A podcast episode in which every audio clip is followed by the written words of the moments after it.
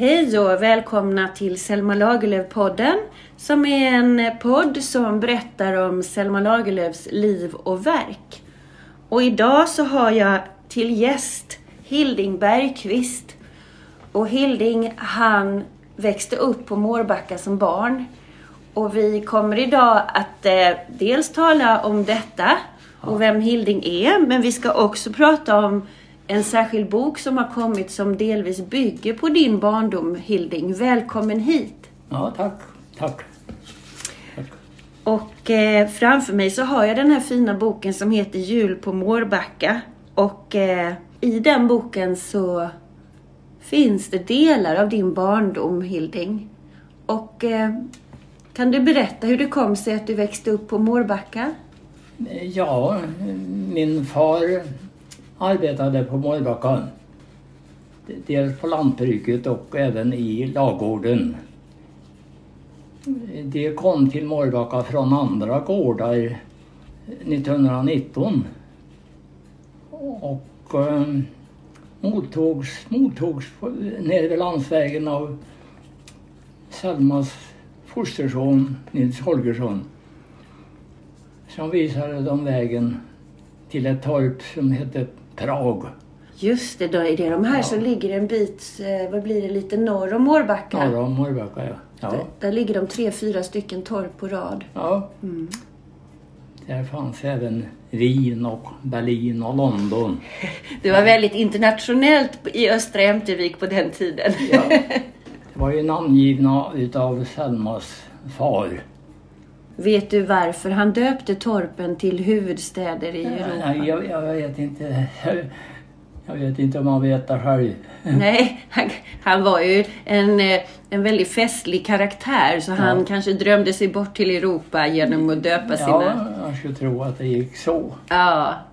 Hur länge bodde din mor och far borta i det torpet då? Ja, där, eh, det var ett trivsamt ställe där. Sen gick det så att eh, dåvarande ladugårdskarlen blev sjuk. Och då fick min far rycka in där och eh, de som skötte ladugården de måste bo lite närmare ladugården då så att då blev det flytt till arbetarbostaden.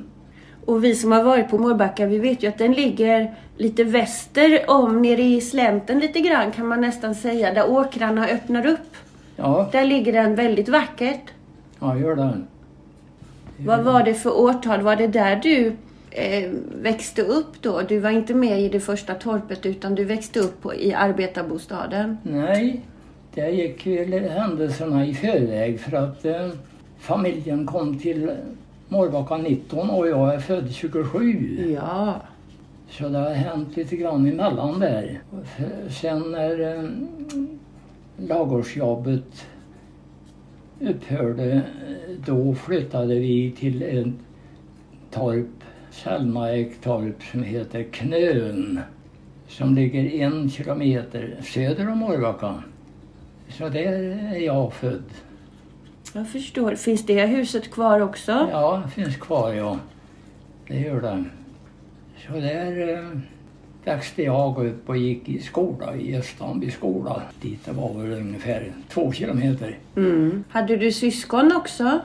Jag hade sju syskon. Och vad var du i ordningen? Jag var yngst av i gänget ja. Mm. Så att eh, en del började ju på att flytta ut när jag växte upp och det, det var ju nödvändigt för torpet det stod ju av ett torp. Ett, ett rum och kök. Mm. Hade ni lite vind också? Ja, det var det. Var det? Kunde man sova där uppe på vintern också eller var det för kallt? Ja, men eh, det gick, ja, någon värme var det ju inte men det var ju en, en fyrspis i köket och kakelugn i rummet. Mm. Men det var ju ett trivsamt ställe och god, god sämja så är, det- blir det trevligt när det är trångt också. Ja, det gäller ju att ha tålamod med varandra. Ja, absolut. Mm. I, inte vara sist i kakburken. Det är klart att då blir man inte så populär. Ni var inte bortskämda med, Nej, med prylar och mat och så utan ni hade väl så ni klarade er men det var också Ja. Tuffa vi, tider. Vi hade ju liksom ett potatisland och, och ibland eh, hade vi, födde vi en gris så, och, och, och så skogens mat. Vi eh, plockade ju mycket bär och sådär. Så. Annars hade ju eh, framme på gården fanns det speceriaffär då som Selma drev tillsammans med trädgårdsmästaren. Så dit det promenader. Där hände det hal- halvvägs på den sträckan finns det en eh, grej som de kallar för Vilarsten. Dit brukade Selma Lagerlöf ha sina promenader när hon var i något bra skick. Mm. Och, och när jag följde med mamma på en tur för att handla lite då kunde vi möta Selma där. Och, ibland fick vi följa, följa med henne. Det var riktigt trevliga. Hon, hon var så pratsam och Vad fint. Och din mamma, hon hette Anna. Anna ja. Ja.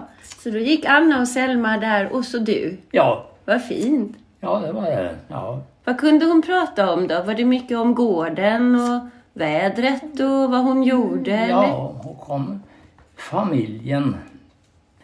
Hon var ju en väldigt stöttande när det gällde familjerna. Alla familjerna som bodde runt Ja. om och hjälpte till på gården och arbetade åt henne. Ja. Hon, eh, hon understödde ju 14 familjer. Så, eh, hon hade att ta, ta, ta vård om och det gjorde hon verkligen. Vad tyckte din pappa om att arbeta för henne då? Ja, att det, det tyckte ju att eh, Borgbacka var alldeles fantastiskt att komma till när de, de kom från andra gårdar som var eh, i, i mycket dåligt skick och, och, och regi. Därför så tog, tog komma till, till Selma, det var något fantastiskt för att hon framförallt att hon tog hand om folket. Och jag vet att i den här boken då så finns ju, är det ju flera delar som beskriver det här hur hon var omtänksam. Eh, och särskilt kring jul så visade det här sig med, med hur man fick en julslant eller man fick julpaket och hon visste vad alla barnen hette. Stämmer det? Ja, hon höll sig väldigt ajour med eh, familjemedlemmarna och visste vad de hette. Det visade sig ju till exempel 1938 när hon inte var hemma och firade jul utan hon var hos sin syster Gerda i Falun. Eh, då satt hon i Falun och skrev namnen på 17 barn som skulle ha den julen. Förresten fick alla barnen en bankbok med insatta fem kronor på. Mm. Fem kronor var ganska mycket pengar på den Ja, tiden. mycket pengar då. Ja. Ja. Och det var säkert ett sätt för henne att, att ni skulle ha en liten summa pengar som ni kunde ha som start på olika saker om, Ja. om det behövdes. ja, det var, det var ett sätt för henne att liksom i ett tidigt stadium vi- visa barnen alltså att det, det gäller att vara rädd om pengar. Ja. Och att det är något man, värdefullt. Som, Ja. ja. Det är ju otroligt fint, Hilding. Då, var, då bodde ni där lite söder om Mårbacka. Men Ja. jag vet ju sen att ni också kom till arbetarbostaden. Hur gammal var du då? När ni flyttade till arbetarbostaden? Det... Alltså vi, flyttade ju från Prag Ja, till arbetarbostaden. Det var väl 1923. 1923 ja. Så jag var inte född då. Nej. Utan jag är född på Knörn. Ja, du är född på Knöl. Bodde ni kvar på Knölen sen under din uppväxt?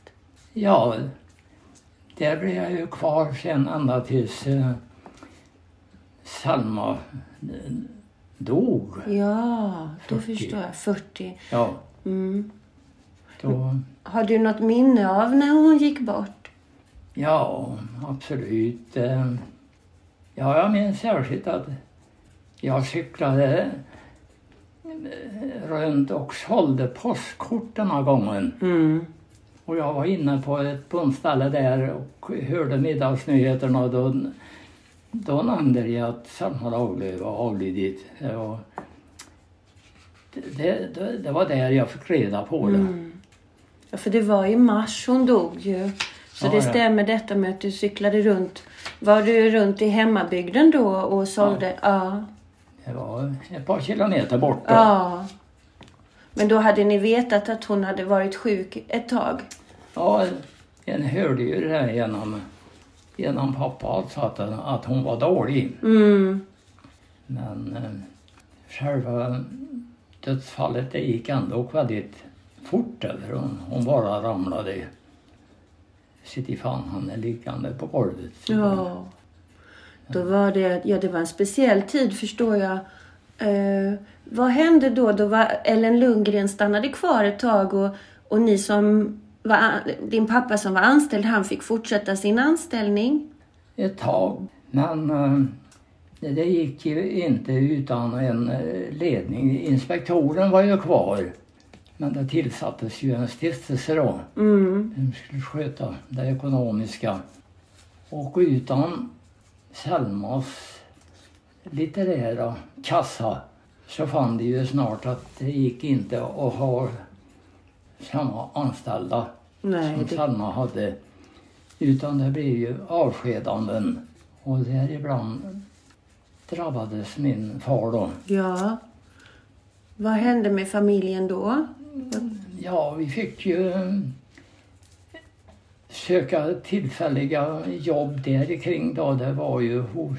Vi, vi var ju granne med ett bondsamhälle och där eh, fick vi en del jobb och framförallt i skogen då. Mm.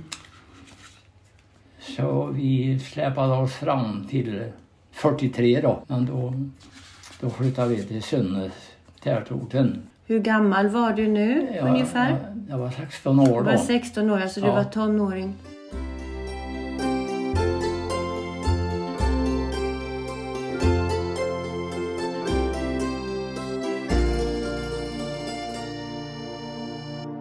Men Hilding, om vi återvänder till de här mm, barndomsminnena. Du berättade att du var på promenad med Selma ibland när hon hade varit vid Vilarstenen och vänt.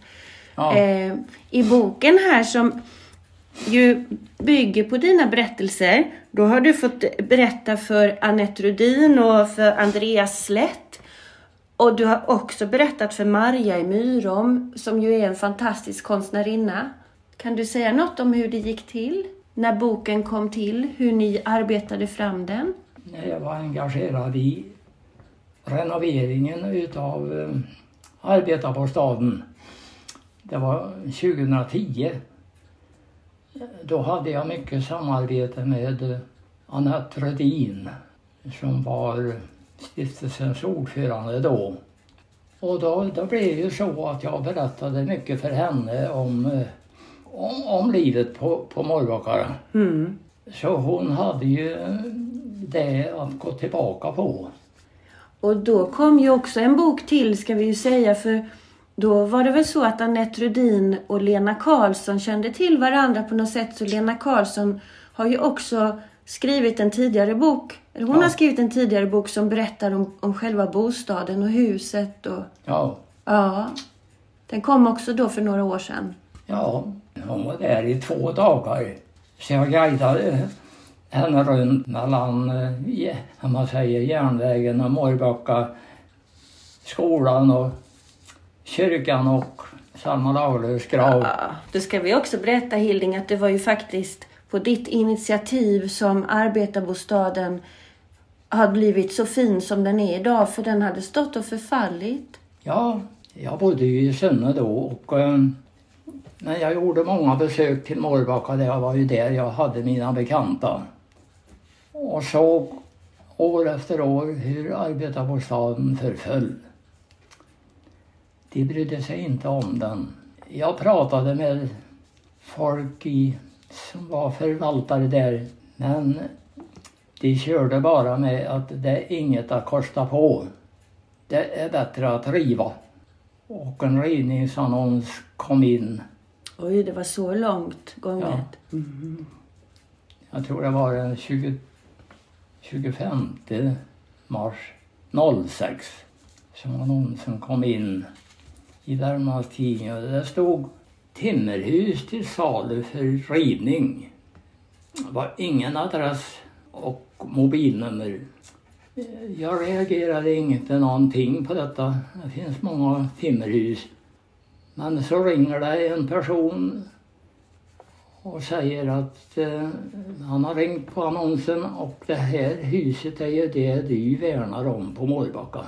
Och det var ju startpunkten för mig. Jag ringde omedelbart Länsstyrelsen. Mm. För att, och det, det blev ju tvärstopp. Ja. För huset var ju K-märkt.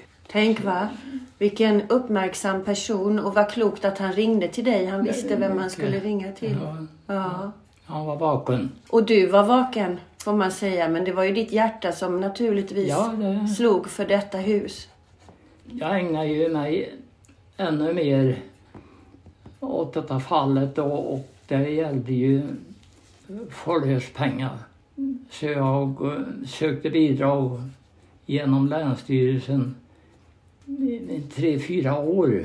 Och bidragsansökningar kom tillbaka utan att behandlas för de var ofullständiga. Men 2010 då kom det in en godkänd ansökan och vi fick 1,3 miljoner i statligt bidrag för Mm. utvändig renovering som startade faktiskt omedelbart och pågick i två somrar. Och då hade du en del duktiga snickare som gjorde detta utöver sin vanliga arbetstid. Var ja, det så? den utvändiga reparationen gjordes utav Värmlands byggnadsgille Mm. som var godkända utav Länsstyrelsen för gamla byggnader. Då. Mm. Och under tiden detta arbete pågick så fanns det ju ett intresse i, hos mig att få huset renoverat även invändigt. För annars stod det ju till ingen nytta. Mm. Men till det fanns det inga pengar. Och inga bidrag. Det var förbrukat det. Så det gällde att försöka andra vägar. Och jag märkte sen tidigare då att allmänheten var faktiskt väldigt intresserade av att delta i en inre reparation. Vad fint. Hade, du, hade du pratat med enskilda personer eller hade det blivit uppmärksammat på något annat sätt? I någon förening eller så? Nej, det var... Det, det, det stod helt ho- hos mig då. Och, Ja. och jag tänkte... Hur, hur ska jag gå tillväga? Och, och jag kom ju på att eh, arbetskostnaden, det är den största. Så jag gick den vägen.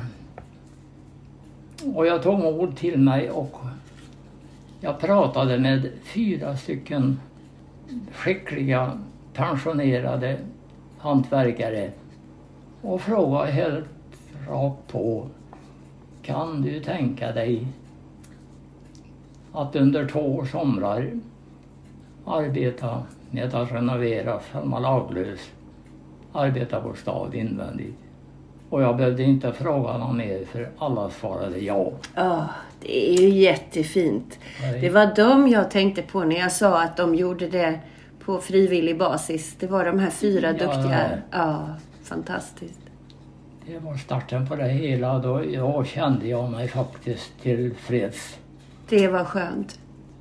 Så att sen, sen gick jag ut både till privata och till företag och frågade om de kunde lämna bidrag till den här renoveringen. Och just när jag nämnde att det var till Selma Lagerlöfs eh, då, då släppte all allting. Mm. Det var, det var inga problem. Man kan säga att 95 procent svarar ja. Ja. Vad vackert. Tänk att hon fortfarande har en sån... mm, Människor får en sån känsla kring henne. Ja, Det betyder ju det, att de känner till henne och de är stolta över henne och de vet Ja. vilken eh, makalöst fantastisk eh, personlighet hon var ja och vad hon åstadkom. det, det hade vi nytta av. Att, hon var en sån människa som hon brydde sig om folket och då tyckte folket nu att vi skulle bry sig om Selma. Ja, och folkets historia är ju också viktig på Mårbacka. Ja, verkligen. Hon... Eh, jag tänker att hon får säkert mycket idéer och inspiration och hon möter människor i alla åldrar och det var hennes barndomsgård också. Ja, Precis som det var din barndomsgård. ja, Och där, där har ni ju samma säkert varma känsla till platsen och minnena Ja, som finns i Ja. naturen där. jajamän. Och djuren på gården. Och, Ja, verkligen. och Hilding, då tog det några år innan det här huset stod helt klart igen. Ja, Invändigt också. det också. Det blev färdigt 2014 då det invigdes utav landshövdingen. Det var en skön dag.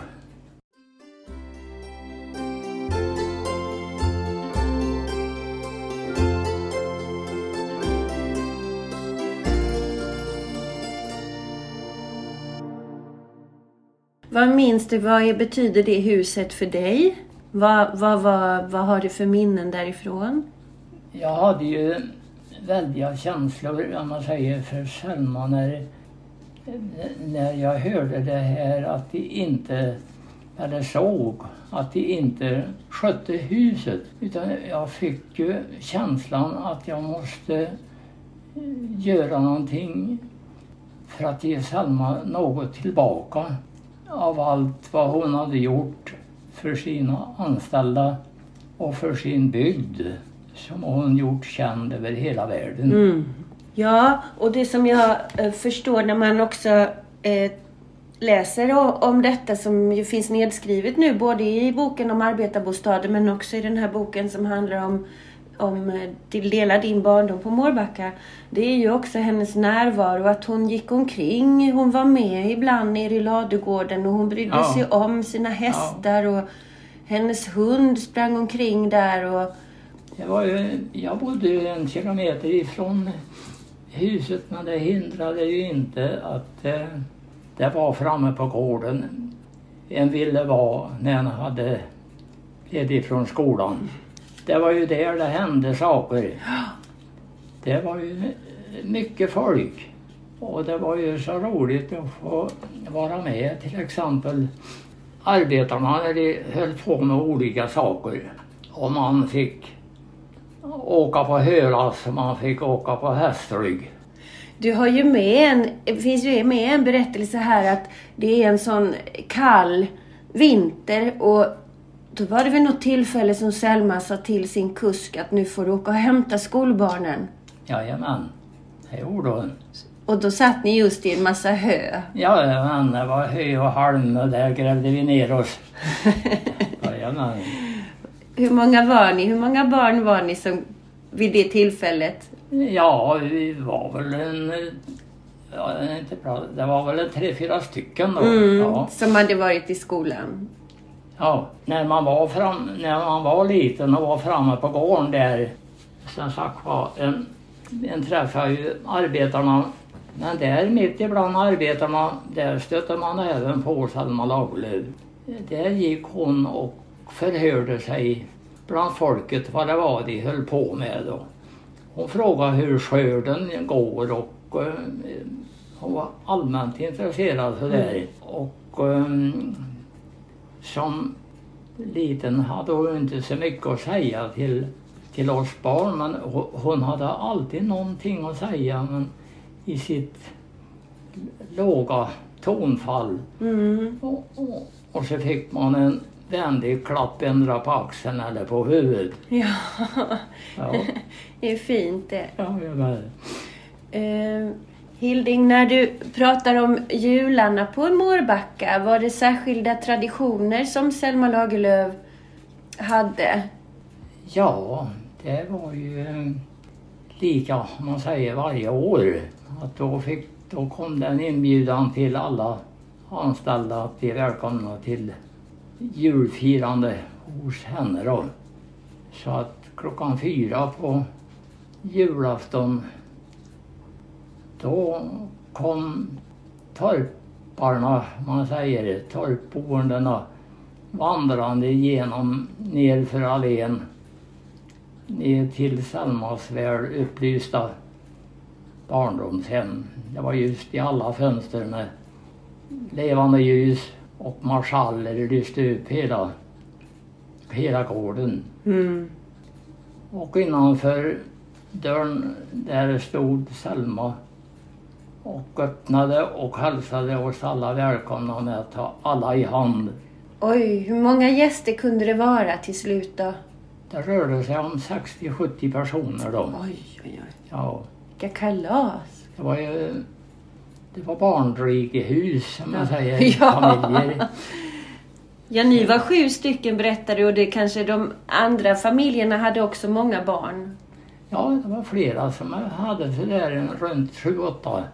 Så då bär det iväg. Vad fick ni att äta på julafton då? Vi åt inte utan vi drack kaffe och med bröd. Och barnen fick ju förstås sitt saft. Och det var bu- dukat med väl manglade linnedukar och stora ljusstakar på varje bord. Fick ni vara både i matsalen och i köket och i salongen eller vart var ni någonstans? När vi fikade då, då vi, i köket var vi inte för att där, där blev för trångt där. Ja, där var de som skulle göra ordning allting också Ja. naturligtvis. Så vi var ju i andra rum där men att vi var inte i salen förrän vi hade inmudigat vårt, vårt kaffe och, och fina bakverk. Mm. Då gick Selma i täten och hälsade oss välkomna in i stora salongen. Där en stor gran ståtade och där skulle det försiggå julklappsutdelning. Så hon, Vem delade ut julklapparna då? Selma satte sig där vid, eh, bredvid flygeln och hon hade två stycken stora tvättkorgar bredvid sig som var drabbfulla med paket. Åh, vilken syn när man, Ja. när man är liten. Va? Ja. Och där satt hon och själv delade ut paketen. Och hon läste själv namnet på varje paket. Och man fick gå fram och hälsa, ja, hämta sitt paket ur hennes varma hand. Det var, det var ju höjdpunkten på, för oss barn på, på jul. Ja, ja, tror jag det.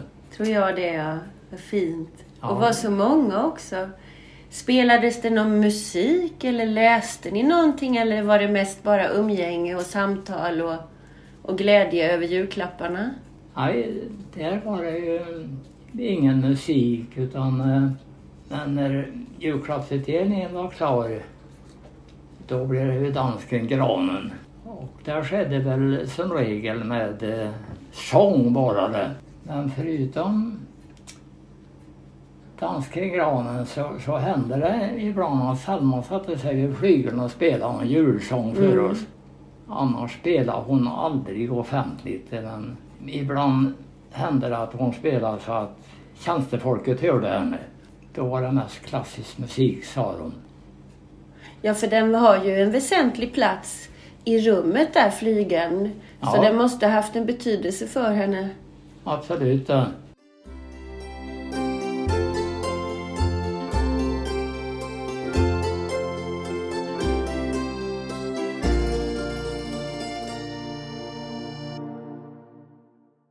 Ja, Hilding, detta är så otroligt. Du är ju...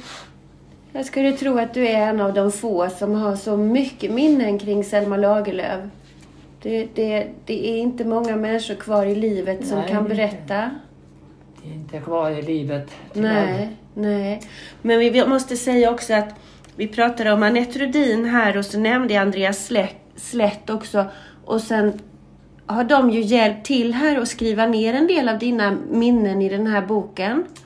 Ja. Och sen har också konstnärinnan Maria har fått måla. Du får säga själv, men jag förstod det som att du har berättat och så har hon målat. Kan du säga något om hur det gick till? Ja, första gången jag hade kontakt med Maria, det var vid Mårbacka där hon hade en utställning av sina verk. Och hur det var när vi satt och pratade där så visade jag henne ett kort där jag hälsade på Selma Lagerlöf. Så då följde mig in att fråga henne om hon skulle kunna göra en tavla av detta. Och det, det, det såg hon fram emot med glädje. Hon- Hon hade väldigt varma känslor för Selma Lagerlöf, sa Ja. Och det syns ju verkligen i den här boken. Jag vet nu, du berättade för en stund sedan när barnen skulle gå eh, till, på julafton och man ser hela gården upplyst med Ja. de levande ljusen. Och hon har ju målat detta, något sånt fantastiskt i boken. Ja, det är så fantastiskt bra gjort så det, det, det var inte att tala om. Man tror nästan att hon var med. Ja, Visst känns det så? ja, ja. Det är, det är rent ruskigt ibland. Jag tycker, var hon verkligen med? Ja, det känns nästan så. Ja. Och vi tittade på någon bild här med den lilla ponnyn också här. Var är ni där? Är det framför Mårbacka det där tror du hon har placerat den lilla hästen? Ja, just det. Ja, Vad hette hästen då? Bob. Bob var det Ja. Bob, så jag, jag sa åt henne, du kan väl göra eh, kälkar eller vagnar, men du får göra lite mindre då för hästen är liten. Och det var Ja, inget problem. Här kommer det fullt med juläpplen framför Mårbackas dörr där. Ja, eh, Hur kändes det när du fick se hennes, hennes fina målningar? ja, jag är helt begeistrad i hennes konst. Ja. Ja. Ja, jag, jag tycker det är något så fantastiskt att från en berättelse kunna få till så naturliga bilder, va? Ja. Så berättande. Det är nästan som att de berättar lite också. Dels så berättar de precis det som berättelsen handlar om. Men det pågår lite egna saker här. I, i målningarna så händer lite mer än Ja. vad som berättas i texten.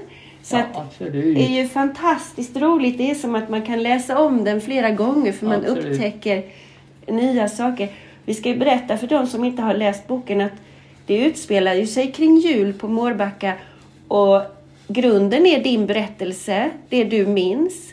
Men sen har också de här goda berättarna placerat in en liten, liten, liten, liten pojk som heter Nils Ja, och en gåskar. ja, Och de känner vi ju igen. ja, absolut. Och de har råkat hamna där och ni som är nyfikna, ni får allt ta och läsa själva. Vi ska inte avslöja allting som händer. Men man blir på väldigt gott humör av den här boken. Man blir alldeles lycklig. Ja, precis. Ja, Jag, jag blev alldeles... Ja, jag köpte fyra stycken på en gång. Så att jag har Ja, att det ge bort. jag. Ja. Hilding, är det Ja. någonting mer du skulle vilja berätta kring det här om dina barnminnen innan vi rundar av? Jag, jag, jag besökte själv stallet många gånger. Och det gjorde Selma. Hon- tog sina promenader till stallet och till ladugården. Så där stötte jag ihop med henne flera gånger.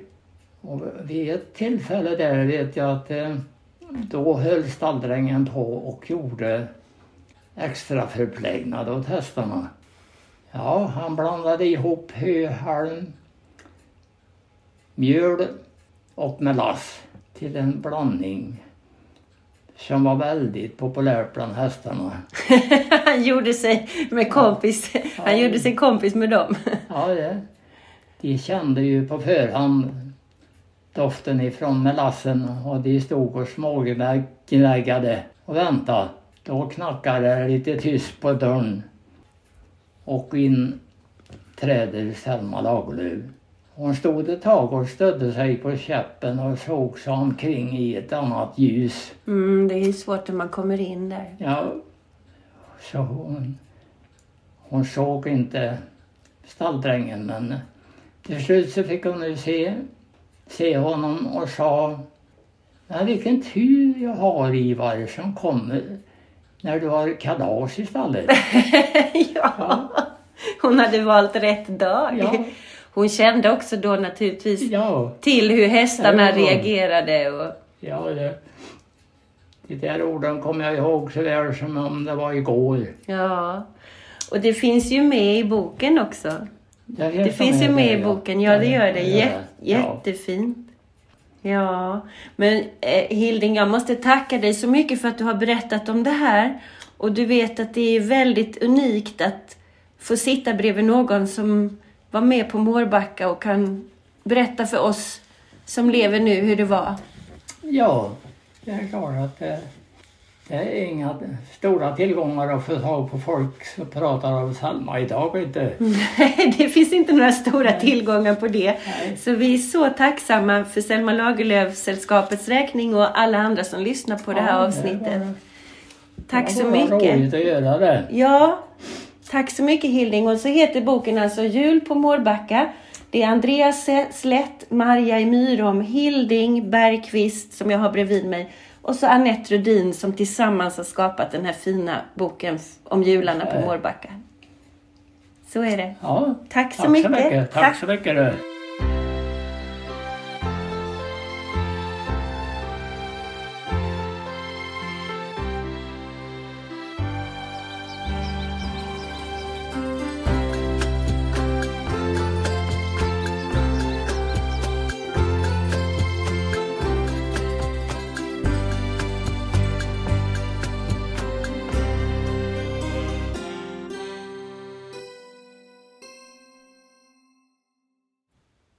Jag ska också berätta att eh, precis i dagarna för den här intervjun så gick konstnärinnan Marja i Myrom ur tiden. Det är hon som har gjort alla illustrationer i boken Jul på Mårbacka. Hon hann se boken klar, vilket gladde henne.